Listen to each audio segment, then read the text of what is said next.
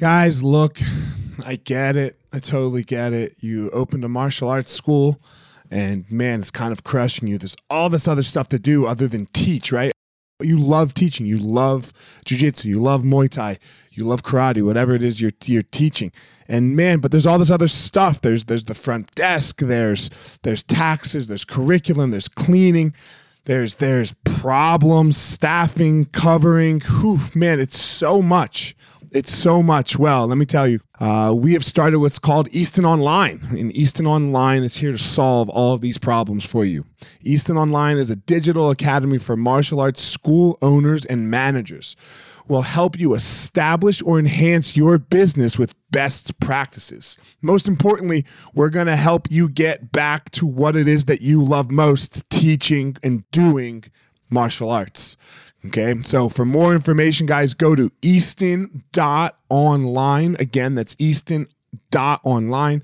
Add your email. You're going to get notified about the course launches. Our first course is going to be all about the first impression specialists, your front desk, and all kinds of stuff, special offers, promotions, as well as we started a podcast by the same name, Easton Online, that's gonna talk about our process of how how we went from a tiny little martial arts school to what is now seven martial arts schools, seven Brazilian Jiu Jitsu Muay Thai schools, um, in a very holistic way that we believe um, kept the integrity of the art and also deals with its people very well. So again, Easton dot Easton.online, enter your email and you're gonna get all you're gonna get everything you need right there. So thanks, guys.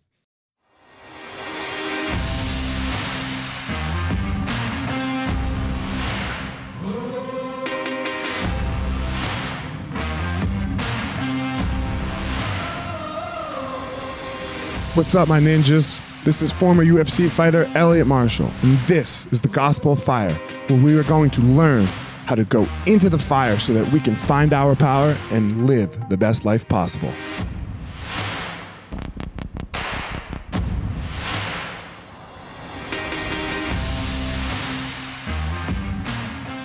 Guys, this episode of the podcast is with the great Bernardo Faria. Um, man, he has crushed it in two avenues in the jiu jitsu world. One, a world champion, a multiple time world champion, double gold.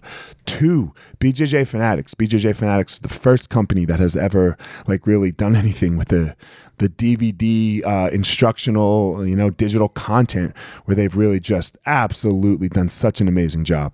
Um, and he's just the nicest guy in the world. So I've, I've never met a nicer guy in jiu-jitsu. So uh, he doesn't really need an intro, but here we go. Without further ado, Bernardo Faria. Hey, Bernardo, what's up, man? How are you? I'm good, Elliot. How are you doing? Thanks it's a huge honor for me. huge honor for me too. So thanks for inviting me. Uh, I know you for a long time. Yeah. I have a lot of respect for you, so it's a pleasure to be here talking with you. Man, um, you for sure, Bernardo, are the nicest guy in jiu-jitsu, like with, without a doubt. You know, yeah, no, man, no one's nicer than you, bro. No, come on. Uh, so I have, I have, my bad times too.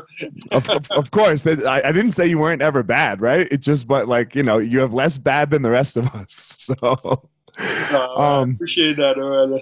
Man, I can remember Bernardo. The first, the, so the first time we met is when you came out to Boulder, you know, uh, Colorado, and to to do a seminar and man, I have to say it was one. It was uh, for me one of the coolest things was probably after the seminar, right? Yeah. Like because you you know everyone comes in and does a seminar and goes, "This is my game. This is what I do," and then you go watch them compete, and they do all of these other things. They might do that too, but they do all of these other things, right? Yeah. Where you were like, okay, guys, look, here we go. This is my game. And then we go to the worlds, right? Because it was right before the worlds. It was right and, before the worlds. And yeah, I remember that, that day. Yeah. And you win double gold only doing the moves you showed in the seminar. That's true. no, where did this come from? Like, you know, where, where did, where, you know, like that, that was so cool. Like, uh, and, and it's not that you don't have, like, you understand jujitsu very well, obviously, right? You understand all the moves, but you are so good at these five moves, six moves. Everyone knows they're coming and no one could fucking do anything. No, but I think that was a very special seminar because I remember that was the last seminar that I had before the words which was my best performance ever. Right, it was Right. 2015 that I won double gold. So it's like uh, nobody is ever gonna have that seminar again. No, no, yeah. I'm never, I'm never gonna be able to be on on that on that level that I I were uh, again. So it was very was a very special day for me, and uh, and uh, yeah, I think like when I started jiu-jitsu in 2001, when I was 14 years old, I never found myself like an Italian guy. And uh, but I always noticed that in jiu-jitsu, you don't need to be the most talented one, and you don't even need to be the most technical one. As long as you dominate one subject better than anybody else, and you have ways to bring your opponent to that subject to make sure that he plays your game instead of you playing your opponent's game. I think you you you can beat anybody, you know. So I always I always believe that. I always believe that. If I'm fighting against a guy who is even much better than me, but if I'm able to bring him to my techniques since the beginning of the training, I'm there, you know, like, and uh, so that's what I always try to do. And uh, I, I think there are different styles in jiu-jitsu. For example, I see people like Buchecha, right? He plays on bottom, he plays on top, he plays half guard, he plays. I have him seen him sweeping people with butterfly. He pass with pressure, he pass with Toreando pass, he pass. He does everything and works really well for him. Uh, another exception, like Lucas Lepre, right? Man, he plays butterfly guard, he plays X guard, he plays half guard, he plays one leg X guard. Uh, he passed the guard with pressure, with knee cut, with Toreando, with. Uh, but I was not that guy, you know. Like I, I was not that that talent, and and the for me things never worked like that, you know. Like so, I found a much better way for me to narrow to few techniques that I thought I could dominate those techniques better than anybody else than trying to be good on everything and become just one more average person. Doesn't make sense. So, Yeah, no, it make it makes a hundred percent sense, and you're able to you were able to do it right. Like you took, like I think your absolute finals in that match of that year, right, was Leandro Lo, correct? that was the semifinals. That year, the year that I won double gold in the worlds, I didn't have the open class finals because Trans, uh, Alexander Trans, blow up his knee Oh, that's right. So Okay. my and then I, the finals of my division against João Gabriel became the last match of the tournament, which was kind of like people people sometimes ask me, "Oh, you fought João Gabriel in the finals of the open class, right?" I was like, "No, that was the last match of the tournament. It was actually my division." Okay, We made that as the got it, got it. So Leandro Lo was the the semifinals of absolute. Yeah. And man, he has such a dynamic game, right? Like he is, he's got a he's got a crazy guard. It's like almost impossible to pass, right? He's a phenomenal passer, flying all over the place, and you half guard swept him and over under passed him, and then you armbar from side control, right? Like it was it was like uh it was the seminar you taught Yeah, Like- no, I, I agree. No, I to the T, and like it's what you said. You brought him to only your game. Exactly. You know, like, and, and, and that's a perfect example because, for example, Leandro is so dynamic that uh, if you let him free, you're gonna get lost. You know, like he's gonna start moving and he's fast and he's quick and this and that. So he, I think he's a perfect example of my formula. You know, because as long as I was able to stack him and put him on my game and make him play my game instead of Bernardo playing his game, that's where things start happening. You know, like and uh, I have a bunch of other examples that work in the same way. For example, I remember when I fought against Braulio Estima, Mm-hmm. One of the toughest guys I've ever seen in jiu-jitsu. So we started the match and he pulled guard and he got a sweep. So I was playing his game, right? He got a sweep. Then he fell on my half guard. Then I swept him back. He was able to adjust his guard again. He swept me back. And then also I got him like on my track. I swept him and then I over under pass and then I got him on. There was like one one of the matches that I scored the most points. It was like, I think it was 26 points or so. And he is like Braulio Estima, right? So so it's that thing. But but for example, if I was not able to put him on my track, I could easily see myself being submitted by him, you know, like Right. so, so Man, I can remember. So I was at the Worlds last year, 2019, and I can remember I was sitting at lunch with Amal, right? And he's like, "Man, how about that match when Bernardo beat Braulio, 32 to four? And I was like, "Man, shut the fuck up, Amal, bro. That didn't happen. There's no way. Like, I didn't know about it." You know, Oh, and yeah. and then he like he's sitting there. I see him just scrolling his phone, and and he pulls up the match on YouTube, and I watch it, and I was like, God, like it, it, it again, it's exactly what you said. Like it was this back and forth, and then all of a sudden you got him, and Yeah. once you got a hold of them, you steamrolled them with Yeah. just your stuff. Yeah, no, and the, it, it's if you watch from outside, it's very clear that it's it's also I bring him to my track. You know, like Mhm. the same thing happened when I fought Cyborg, for example.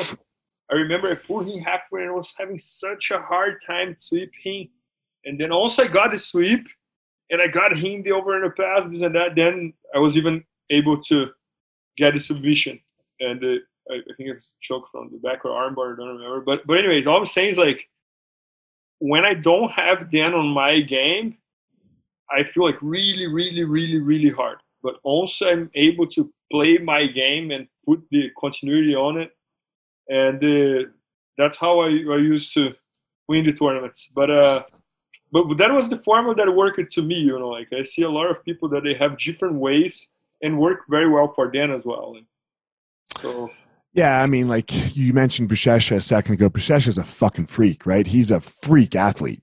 Like, Yeah. if he wanted to go play in the NFL right now, like, well, not right now, right? But like from a child, if you like brought him to America and showed him football, like American football, Yeah. he, he'd probably make it, right? Oh, I like, agree. I agree. like he No, he can he just has that. And if you Yeah. you know, so to mimic Buchecha's game is almost impossible if you don't have that. Yeah. Right. Like, I I agree one hundred percent. Like and, Yeah. uh, and it's a combination of like that that champions mindset with like a crazy athleticism and good technique, right? and good then- technique. Right. and for sure. Yeah. And he's yeah, like you know that movie, The Fast and the Furious. Yeah, yeah, yeah, yeah. You know how they have like the NOS button, like in the Yeah. car, they push that button, Yeah. but they can only hit it once in a race, right? I agree. Can hit that button over and over and over again. It's yeah, fucking insane, man. no, I, I agree. So I agree. tell me, That was a good point. tell me about like just your history. We're gonna come back to this this idea of getting some of of how you were able to get people on your track and we're going to take it somewhere else but just tell me about your history a little bit in coming up in jiu-jitsu like so you said you started when you were 14 where were you who's your instructor um and, and then just like through to where to where that day that that double gold day like go ahead Yeah. No, that that that, that and that's easy for me because I have talked about that so many times that right. I have almost like a story in my mind. No, so I started jiu-jitsu in 2001 when I was 14 years old. Was because a friend of my brother who was much smaller than him. I'm the youngest in my house, so one of my brothers, one is three years older than me. One of his friends was the smallest person in the group, and then they would go to my house, play video game, and uh, grapple on the carpet. And then there was always this small guy beating everybody else, all the other friends who were much bigger than than him. You know, and that was that sparked my interest because I was like, what is he doing? You know, like how does he do that? He would go to everybody's back. Anyways, he was doing jiu-jitsu and he was the one who introduced me to jiu-jitsu. Then a very interesting thing that happened with me right in the first day that I think you as a jiu-jitsu school owner, you're gonna think like, man, that's 100% right. So when this friend of mine told me to train jiu-jitsu, I was lifting weights in one gym that had some jiu-jitsu and my friend was training with the guy that became my first instructor or whatever. But but when he he was like, "Oh man, you should start doing jiu-jitsu and I can bring you to the place that I train," and I was like, "No, no, no, the, the place that I lift weights, there is jiu-jitsu there." And in my mind was all the same, you know, like I'm gonna train jiu-jitsu here or there or in the corner. So I can imagine like how who has never done jiu-jitsu before probably think about jiu-jitsu. You know, so oh, that's all the same, you know, like I can do jiu-jitsu on my place. And then when I got there, man, the instructor was sorry about the word, but an asshole. he barely like looked to me and he was like, ah, sign up there, blah blah blah. And then I didn't feel good about it, you know. So I was like, man, I'm not gonna join here and I'm gonna go to the place that he was actually telling me. And then when I got there, was my first instructor, was the guy who was my first instructor, Ricardo Marques. I went with him from white to black belt. And since day one, he looked to me, he smiled, and he was like, "Oh, be welcome," blah blah blah. And then he asked me how old I was, how old I were. I had a friend of mine with me. We were both 14. And then I asked him, I was like, "Man, what's the schedule here?" And then he looked to me, he looked to my friend. Uh, Monday, Wednesday, Friday, maybe Friday. Yeah, Friday, 5 p.m. I was like, that's kind of awkward. You don't have a schedule. He was like, no, no, we are just starting the juvenile class with you two. So I was the first, uh, I was the first like juvenile yeah, yeah. class in my home. So, you know, like, and he just started with me and my friend. So we were the very first students on, on that class. Okay.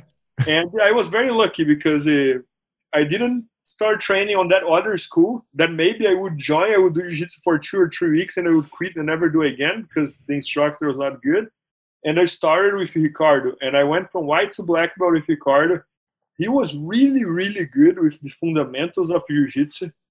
So he was able to teach me the base of jiu-jitsu really well. And he was, if you tell me that I'm the nicest guy in jiu-jitsu, you never met this guy. So he, hmm. he is the, he is like the nicest person I ever met. Like never, I never heard one person talking bad about him in my entire life, and I know him for 20 years now. You know, like and the, that guy who would never screw up anybody, and the, it's always the right thing to do, and. The, so, and what was very nice in my hometown, because in my hometown there was no world champions on any belt there when I started, where was your hometown? Juiz de Fora. It's in Minas Gerais. Okay. A good thing about Juiz de Fora is that was two hours from Rio de Janeiro driving, so I was nearby the mecca of jiu-jitsu at that right, time. Right, right. It was only like two hours drive, so that was good. And uh, there was no world champions in my hometown. When I started jiu-jitsu, there was only like there was not even black belt because my instructor was brown belt. So he was affiliated with some schools, and then the black belt would come every other week and teach one class here and there. And uh, so, so in my hometown, we didn't know what was possible to achieve because there was no examples. There was no black belt. There was no world champion. There was no this, no that. So my instructor and I, we were kind of like exploring that and finding that out together. And I was his experiment, you know. So as a juvenile, I got second in the worlds, which for me was like, oh my god, I got second in the world championship in jiu-jitsu. As a blue belt juvenile, I couldn't believe that. And then as a purple belt was probably like, if you ask me like, what's the day that you're never gonna forget in your life? Maybe more than any title as a black belt was winning the world's IBJJF purple belt open class. So I won in 2006, and the was a was a very special day for me because we didn't know that was possible to achieve that training in a small school in the i mean like in not in a big city and so that day was like was the day that i was like huh nah, I, I think i can go much further you know like because if i did this training here imagine what i can do when i'm older and and i was 19 that's, and that's uh, yeah, that's such a great point, man. Like the yeah. idea of of like, oh my God, look at what's possible. Yeah, no, right, like because it hadn't been shown to you, right? Yeah, exactly. No, and, and one thing is if you were training at Alliance, if you're training under Greg Galvão, under John right. Manager, and you know that you can. You know, not that you know that you can, but you look around and oh man, that guy won this, that guy won that, that guy won that. Why can I not win? And in my hometown, literally, like nobody had ever placed it in the Worlds or Brazilian Nationals or Pan Ams or any big tournament like that. So we were literally like exploring that, me and my instructor, you know, like, and the, and he was like more than a coach for me, you know, like he was my psychologist, he was my physical conditioning instructor, he was my jiu-jitsu coach, he was my friend, he was he was everything. And good parenthesis of all these stories that my family was one million percent against jiu-jitsu, you know, like so. Right. So that was a big challenge. the, day I won the Worlds Open class, my my dad didn't oh, you won this tournament? I was like, yes, I won the World's Open class. Oh, cool. As a black belt. As a purple belt. Okay, okay. So He, 2006. he it, didn't okay. even know what was going on. You know, like, Right. And, uh, so, and then little by little, he was understanding more. And then when I was in the black belt, he was my biggest fan and Okay. he supported me a lot. But uh, yeah, but but that was very special. And then uh, as uh, man, sorry, there is like someone is sending me messages here on Slack. No, you, it's There's fine. It's okay. Yeah, But but then like uh, so was a so my hometown was very special for me because that. And then as a brown belt, I got second in the words. And then uh, my dad forced me to do college, so I did college in my hometown about business. And the funny story that I, I, I, passed in the exam to become an engineering. But when I saw the schedule was class from 8 a.m. to 5 p.m., I was like, man, I can't do that. Like, I'm not gonna have my jiu-jitsu if I do that. I can't be a professional athlete studying from 8 a.m. to 5 p.m. So I ended up doing business because the class was from 8 a.m. to 11 a.m. Okay. or 7 So I could, I could conciliate that. And then once I finished my college, in the same time, I got my black belt in jiu-jitsu. And then my instructor again, the one who gave me all my belts, was like, Bernardo, you finish your college, you got your black belt. If I were you, I would move away from this town and uh, I would go to a bigger place where you can really like pursue your dreams and that. So man, who which instructor would tell that to a student who is a prospect, right? Like who is winning everything and that. So I really respect my first instructor a lot, you know, like and uh, he's like a he's the person that I probably respect the most in jiu-jitsu because Oh. because because that, you know, like because he he taught me everything and he he He, never said leave. He treated you like you're like a kid, right? Because like I mean, like I have kids now, right? Like I'm gonna take them to a certain point, right? Exactly. Yeah, And then at some point, I can't I can't do it for them anymore. They have to go do it for themselves to be like I have two boys. So to become a man, right? To become men, they they're gonna have to they're gonna have to go out into the world and figure the world out Yeah. with the lessons hopefully that my wife and I gave them. Yeah. Right. But yeah. here No, we go. yeah, you you touched on a great point because uh, if you're a kid, you're not gonna have business involved. It's gonna be like you want the best for him, you know. So that's how my instructor treated me. You know, like he was Mhm. he was not thinking about himself, about his school, about keeping this guy here who can win this stuff as a black belt. He was like, man, do do your thing, you know, like. And then he was the one who told me also because I had some options to go, and then he told me like, you do whatever you want. If I were you, I would go to São Paulo and train under Fábio Gurgel Alliance. And he was affiliated to Brazilian Top Team, so imagine. And uh, but but Brazilian Top Team at that time was 90% MMA Right. and 10% Jiu-Jitsu. So I was like, man, if I were you, I would go to São Paulo and train under Fábio Gurgel. And that's what I did. And then like uh, things start happening in my career much faster. So I moved to São Paulo in 2009.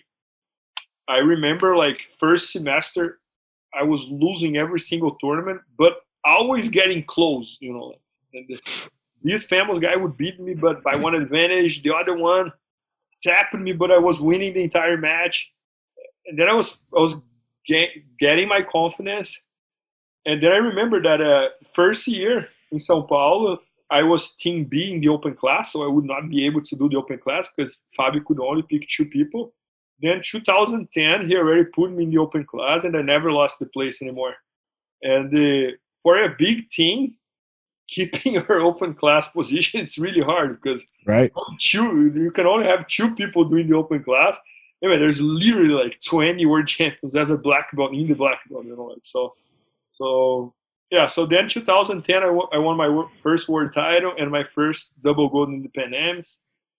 Then 2013, I always told Fabio that I wanted to live here in America because I love this country, I love the culture, I love the people, and I see that the opportunity is here. Like all the jiu-jitsu tournaments are here.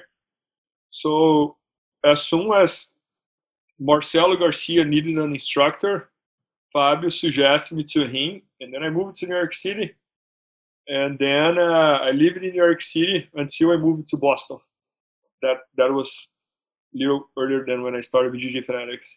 Okay. I think I did a review of my life. That that was great. No, that was that was so interesting. There were so many things that you touched on then, and I'm I'm going to get what's we're going to go to BJJ Fanatics here in a second. Oh. But I think one of the things that people really miss, just in a society sense, you know, is when you were talking about the idea that no one was a world champion from your school, from your hometown. There was nobody there, and I, I don't know why we can't look sometimes at like like you know the down like the people that aren't doing well in their society in in our world today right?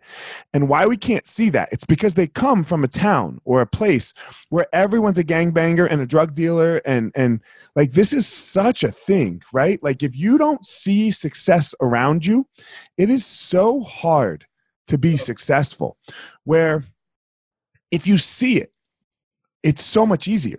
Just seeing it every day you know and it and it really bothers me that um that we can't make that connection. And just because you did make it out of that situation doesn't mean that that's the norm right? It, it's the norm to just stay in the situation. No, I, I agree 100%. And uh, I think, like, uh, man, we, we we can even use you guys as an example, right? So, you guys probably have one of the most successful, like, let's let's call it local franchise jiu-jitsu schools in the world, right? You guys have like eight or nine schools. I bet you worked crazy hard for it. And there is something that happens in life that when you start working like like a manic, like obsessed about something, people around you start noticing that and they Mhm. start kind of helping you. So I don't know how many people in my hometown helped me. And then when I moved to Sao Paulo, they saw how hard I was working. Things start happening, you know, like, and uh, I remember like there was a time that I was in Sao Paulo that I, my dad was helping me to pay the bills my first year. And I started telling people, and I was like, man, I'm, I'm going to go back to my hometown if nothing happens here. And people started seeing how hard I was working. And then things start happening. Oh, you can teach in this school here. right Fabio starts scheduling seminars for me in Europe. Then, uh, so I think when you work really, really, really hard for something, people around you start noticing that and start giving you opportunities. And, and of course, you got to take the opportunities, right? Mhm, I remember mhm. the first place I taught in Sao Paulo, in order to make a living, in order to pay my bills, was a school that once a week there was a class 7 a.m. And in Sao Paulo, traffic is a huge issue. So I had to wake up 4:30 a.m. in order to take three buses to go to that place. well, oh, man, I did what I had to do. Yeah, do know, what you like, have to do yeah yeah, man. that was what was that was my option on that time. I would not do that right now in the situation that I'm in right now. But if I go back ten years again, again, I would do that again. Yeah, but you don't have to. Yeah, you would do it right now if you were in the same place and to pay your bills and support your wife and I would. whatever. You would fucking do it. Yeah, yeah, Yeah. you would. You don't have to. Yeah. right. Yeah.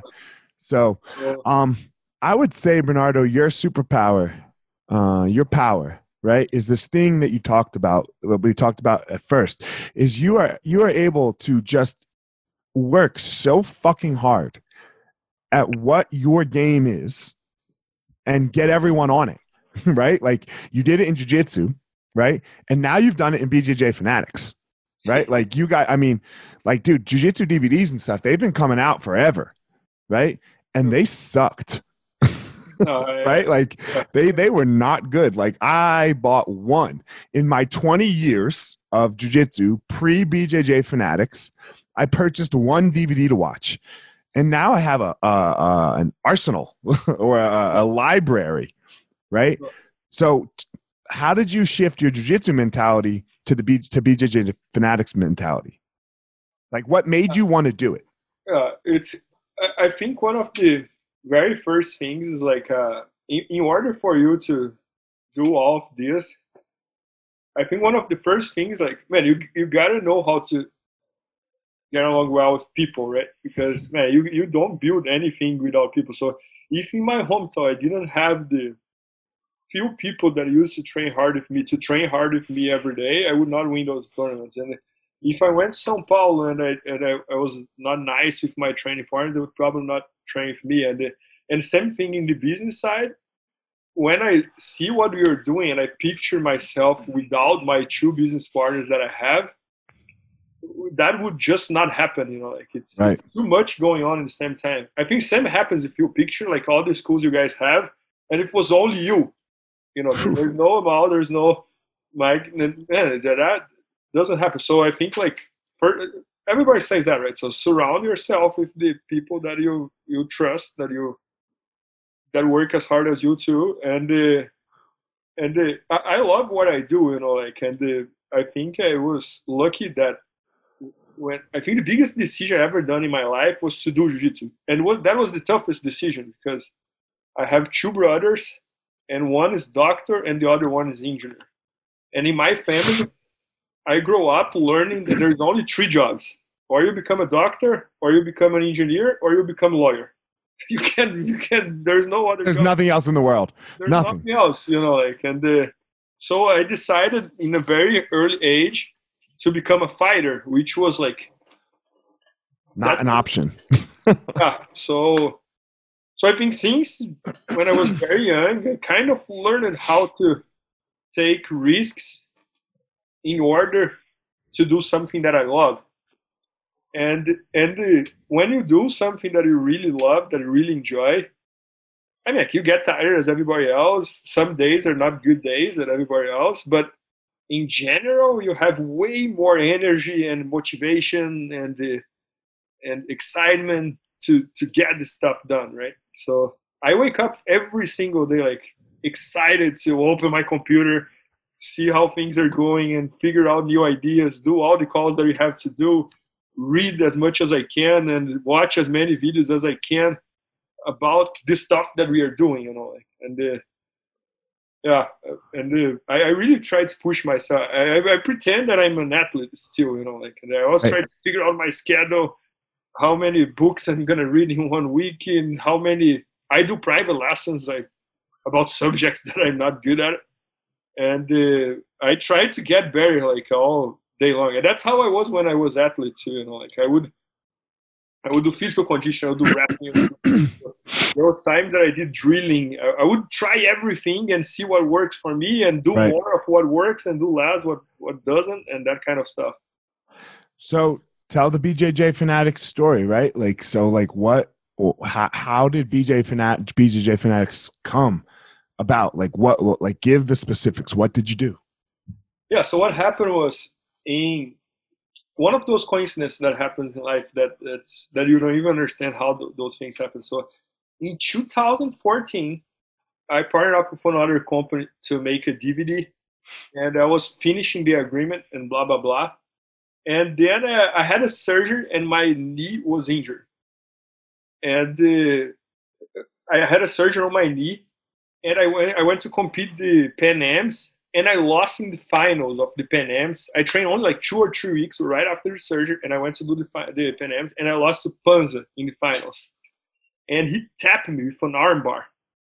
So man, I left that tournament limping and with uh, hanging on my arm. So I couldn't straighten my arm and I couldn't straighten my leg. I was limping and I couldn't move my arm. So at that week, I, I, I didn't sleep for like two or three days, and I started questioning my life. You know, like what I'm doing. You know, and uh, the only thing I have is my body. And when I hurt my body, I can't work. So I was barely teaching Marcel. I, I was going to the class and I was teaching, but without even showing technique because I couldn't. And I started questioning. You know, like and and when I was at Marcelo school, I was teaching probably like 12 or 13 classes per week, something like that. And I was also training another 10 classes, so like 22 classes on the mat. A lot. A lot, but for example, many classes was like 11 a.m. and train 12 p.m. Then my next class is like 6 p.m. and then I would train 7 and teach again 8. Well, all I'm saying is like between 1 p.m. and 6 p.m. I had nothing to do. Okay. Between like 10 p.m. and 10 a.m. Of course, you got to sleep right, but I had nothing to do there as well. And I was literally like on Instagram checking Elliott Marshall's Instagram, checking, Shout out. checking like Rodolfo Vieira Instagram, to checking, and then I was like, man, what are you doing? You know, like I have all this free time, and I'm on Instagram looking people's life and this and that. So, and and then I was injured. I couldn't really teach. Man, on that week, I, I swear to God, that week, Michael Zenga, my my partner, it's my partner today, sent me an email. Offering me to make a DVD. And then I told him, man, I was pretty much closed it already for another company. And uh, I'm sorry, but it was a little bit too late, like, because now I already kind of right. the deal there. And then he was like, oh, man, don't worry about it. But uh, uh, I love your game. I play half where I play over under. So let's make one seminar here in Boston. I don't have a school, but I organize to you. And then we know each other and you teach me half and over under in the seminar. And, and then he was like, if you want, if, if your wife comes, I book an hotel for you. But if she doesn't come, you stay in my house. And then we do a private next day in the basement of my house. I have met area there before the seminar, and then you teach me even deeper. And then uh, Haida, my wife, was going to every single seminar for me. Man, coincidence, that one she didn't go. And then I stayed at Michael's house and we went to sleep like 5 a.m. with him showing me everything he used to do online and blah, blah, blah, blah, blah. He had some background on online marketing, that kind of stuff. And then he was the one who started telling me, he was like, brother, I don't know you because you are world champion. The only reason I know you it's because I watched one YouTube match between you and DJ Jackson, and you beat him using half blah blah blah. blah. So if it was not YouTube, I would never seen you in my life because I, I didn't know that you had one word title, that kind of stuff. So I'm saying here is like how important it is for your image as an athlete to be on YouTube, to be on Facebook, to be on Instagram, to be this, to be that. And then I told him, like, I was like, man, I don't know anything about it. How am I gonna learn this? And then he gave me one book, and uh, and then he started calling me every week to ask half good questions. And I would call him and ask like how to do advertising on Facebook to promote the match that I beat this guy. I, would, I would pay ads to that match and that kind of stuff. And uh, that's how things started. And then I started telling him my experience, you know, like, oh, I had this Facebook page with this amount of followers, and now there's this amount of followers. So it's growing. And then he was like, "Man, there's something there. Let's let's keep talking more." And then in the end of that year, we made our first website, and that's kind of how we started everything. And uh, so we didn't plan things out, but we were talking, talking, talking. I was telling him what I was learning with the. Michael is a very like big picture guy, but not like the technical guy who actually does the Right, right. Who posts the thing on YouTube or Yeah, that's me. Yeah, that's me too. But he understands that, the yeah. big picture, you know. Like, so he started telling me the big picture. He was like, "Man, you should build your audience on Instagram. You should build your audience on Facebook. Read this book, watch that video, do this, do that." And then I start doing. And then I would talk with him, tell about my experience, and he started getting very interested about that. He, you know, he was like, "Man, there is a business here. We can work out something together here." and it's something that we both love so it was not like only like the goal was not only to make money you know like was also to do something amazing for the jiu-jitsu community right and right. Uh, so that that that's the story behind bjj fanatics and i mean and where it really took off probably was danaher right we had a bunch of like uh spikes and uh-huh. was definitely like the biggest one and i think uh, yeah we, we, we can almost call like a yeah, after John, things start moving even faster and right. stronger. And the, and John is a very special person too. Like, and uh, I think not. I don't know if we, many people have ever worked with him, but all those things that we are talking about, hardworking and this and that, man, he he, it's amazing. Like he comes here to film for us. He's 54 years old and he goes from like 9 a.m. to 11 p.m. without leaving the mat to eat, to drink water, to do anything. It's insane. And uh, so I think that's why it matched really well, like our company thing, you know, because I think he also sees how obsessed we are about everything we do. So we have a great relationship. And, uh, and he had like this wealth of knowledge, right? I mean, it was if you were deep in the jiu-jitsu scene, you've always heard about this guy John Danaher in New York at Renzo's. I agree. Right? I agree. Like so before like before he hooked up with you, you know? Like it was always like, yeah, but there's this guy John Danaher, he's GSP's coach. Uh, you know, he had these anomalies, you know? And I mean, I can remember the first time that I went out and that I went to New York uh, was it was Renzo's was still above the meth lab. Um and I it's an early morning class, and it's Danaher's teaching, and he shows teaches the class, right? But then he's got these two massive, like 250 pound jacked fucking wrestlers that just want to train that just you know that like i don't know if they thought they could beat him up or, or whatever it was right so he would show the move and then he would go over there and i'd be watching over there and just he would destroy the and dude these guys these guys i mean they were 20 he was 40 right oh, like Oh, yeah. they were charging at him like to kill right and and and you know how it is right i mean like even though you know you're better at jiu-jitsu than a wrestler right it's still some work right Yeah, like tough. Yeah. yeah. it's still work to just keep up with them dude it was nothing for him it was nothing. He was just like boop boop boop boop boop taking them down everything right? Like boop boop boop boop boop tap. Okay ho- hold on one second. Come over show the move. Go back beat their ass. And they were like laying on the mat like right? Like and and, I, I, can literally see that happening because the game that he plays, like especially like going to the leg locks and this and that, the wrestlers would fall like and the and the yeah man and and uh, that's something that I never saw like uh, John train because when I met him he was already like 52 or 53 but and I hurt wish I had seen because I heard that he was crazy tough too. yeah You you know you you Yeah, I, I watched it, man. I watched it. I couldn't believe it. Like, I mean, I was only like a purple belt at the time, but if I, but I was young. If I had to go deal with those dudes, like that would have been a nightmare for me. That would have been a fucking nightmare, right? Like, so, uh, and he was just like one after the other, like just you go, you rest, you go, you rest. Okay, hold on, teach class. You go, you rest, you go, you rest. Okay, teach. I was, I was amazed, bro.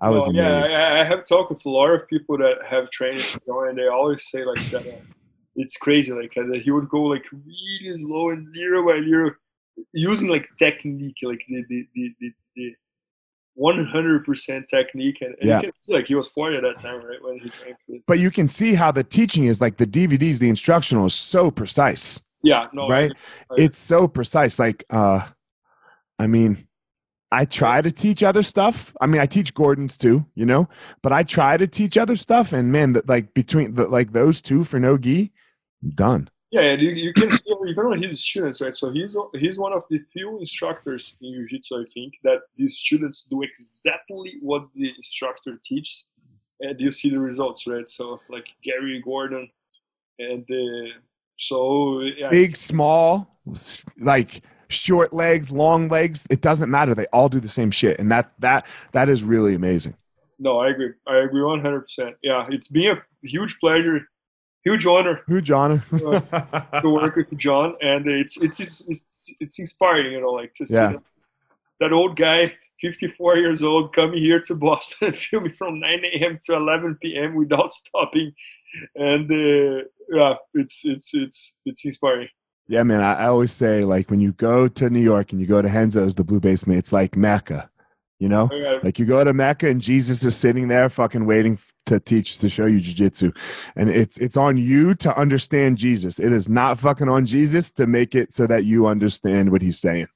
yeah, no, I I I agree 100. percent All right, Bernardo, I'm gonna let you go. I know you got a meeting that you have to prepare for and, and get ready for. I appreciate you um, coming on to do this. You obviously um, have crushed the game, both as an athlete and now on this other side. And man, um, I really think you've helped a lot of people. Right? You you you've helped a lot of people in their like that's what BJJ Fanatics has done.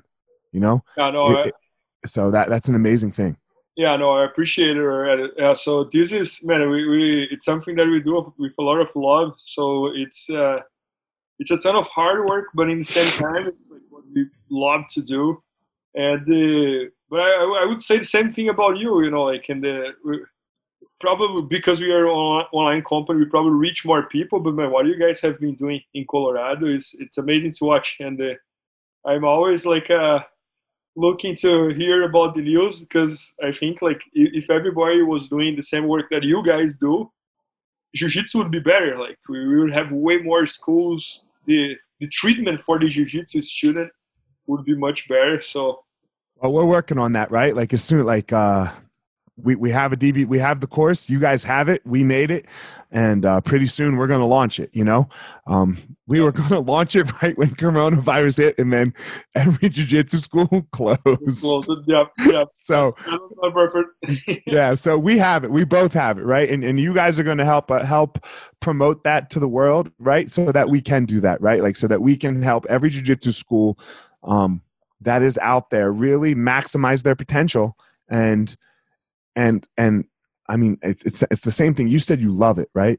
So yeah, like and you guys make a lot of money. You make good money. You have good revenue, right? But that's not why you did it, yeah. right? That's not why you did it and it's the same thing with with us on the school end it's not why we do it right money is like a it's like a kpi a key performance indicator right like okay am i doing it well yeah. you know I agree.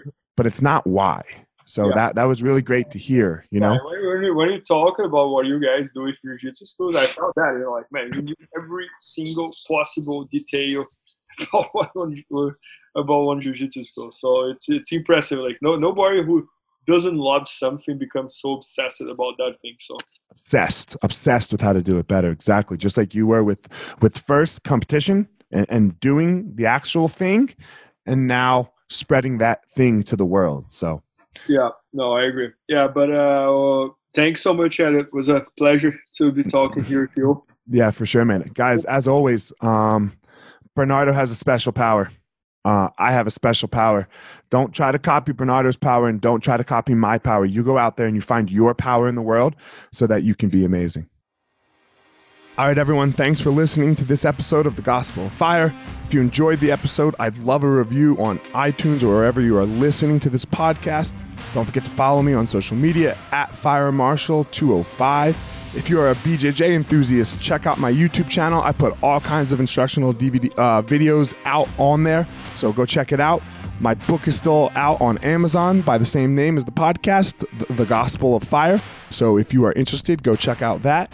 And most importantly, guys, go out there every day, find your power. Thanks a lot.